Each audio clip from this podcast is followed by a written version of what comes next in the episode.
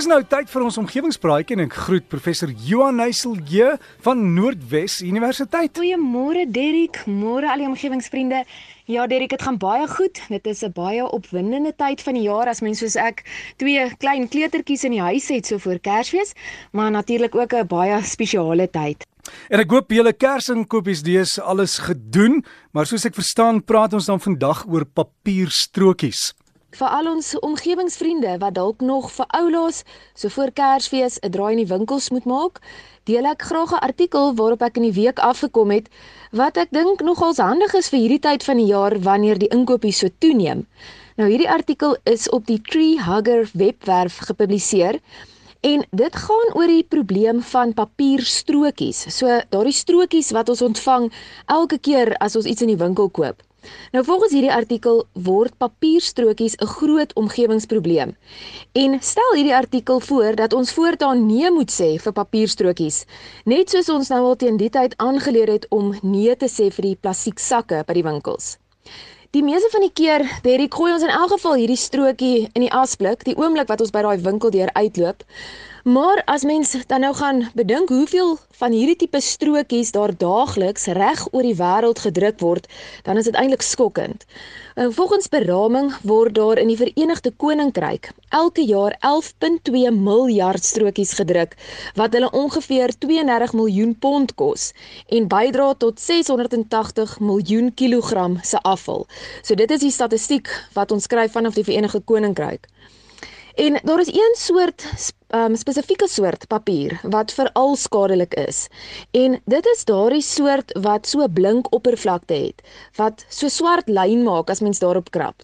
So dis 'n spesiale papier wat hitte-sensitief is en gebruik word in termiese drukkers vir al toestelle soos dan nou die kasregisters of faksmasjiene of die kredietkaartmasjienkies.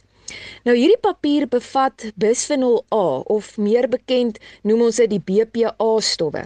Nou soos ons weet, BPA stowwe is reeds lankal verban uit plastiekprodukte soos waterbottels, juis omdat dit skadelik kan wees wanneer mense dit in groot mate inneem. As gevolg van hierdie BPA stowwe Um, kan dit dan nou ook nie herwin word nie hierdie hierdie papier wat hierdie stowwe bevat want dit sal beteken dat daar selfs meer van hierdie skadelike BPA stowwe vrygestel word. So behalwe dat ons baie keer nie hierdie strokies eers nodig het nie, kan dit ook skadelik wees vir die omgewing. So ons moet maar ons bes doen om eerder daarsonder klaar te kom. En baie keer is daar ander papier wat ons ook heel onnodig gebruik.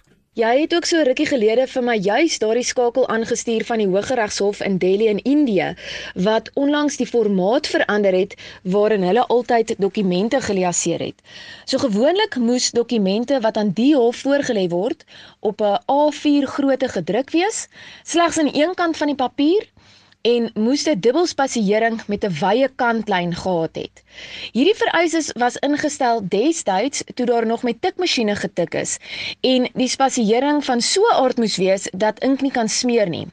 Intussen, soos ons weet, het die papierkwaliteit al baie verander en het drukkers ook meer effektief geword tot so 'n mate dat daar geen rede is om nie van kleiner spasiering en kleiner lettertipes gebruik te maak nie. Die navorsings wat gedoen is op hierdie saak om dit nou te motiveer, het gewys dat wanneer 'n lynspasiering van 1.5 in plaas van 2 gebruik word, daar 25% papier gespaar kan word. En wanneer kleiner lettertipes gebruik word, daar tot 30% papierbesparing kan wees. So as die hof al die 2016 sake wat voorgekom het, nie net op een kant van die papier gedruk het nie, maar op albei kante gedruk het, dan kon hulle 2950 bome gespaar het volgens hulle berekeninge. En dan neem ons nog nie eens in berekening hoeveel liters water en energie en vervoerkoste kan gespaar word indien ons papier beter aanwend nie. En hierdie tyd van die jaar moet ons ook probeer spaar op kerspapier. Ja, dis ook nog een van die papiertipes wat ons moet probeer vermy so in die Kerstyd. Die geskenkpapier want alhoewel dit baie mooi en kleurvol is, bevat hierdie mooi en kleurvolle papier in baie gevalle skadelike kleurstowwe of vernis of stukkies kleeflint en hierdie stowwe kan nie herwin word nie. So dis baie beter om geskenkpapier eerder oor en oor te gebruik as om dit te probeer herwin. En selfs nog beter is om te dink aan alternatiewe geskenkpapier om ons Kersgeskenke mee toe te draai, soos dan nou materiaalsakkies of selfs eerder koerantpapier. Maar Derek en omgewingsvriende, hierdie is ook 'n baie spesiale tyd van die jaar En die mees belangrikste is seker om tyd saam met mense hartsmense te spandeer. So ek hoop regtig julle hoef nie nog baie tyd in die winkels te spandeer nie.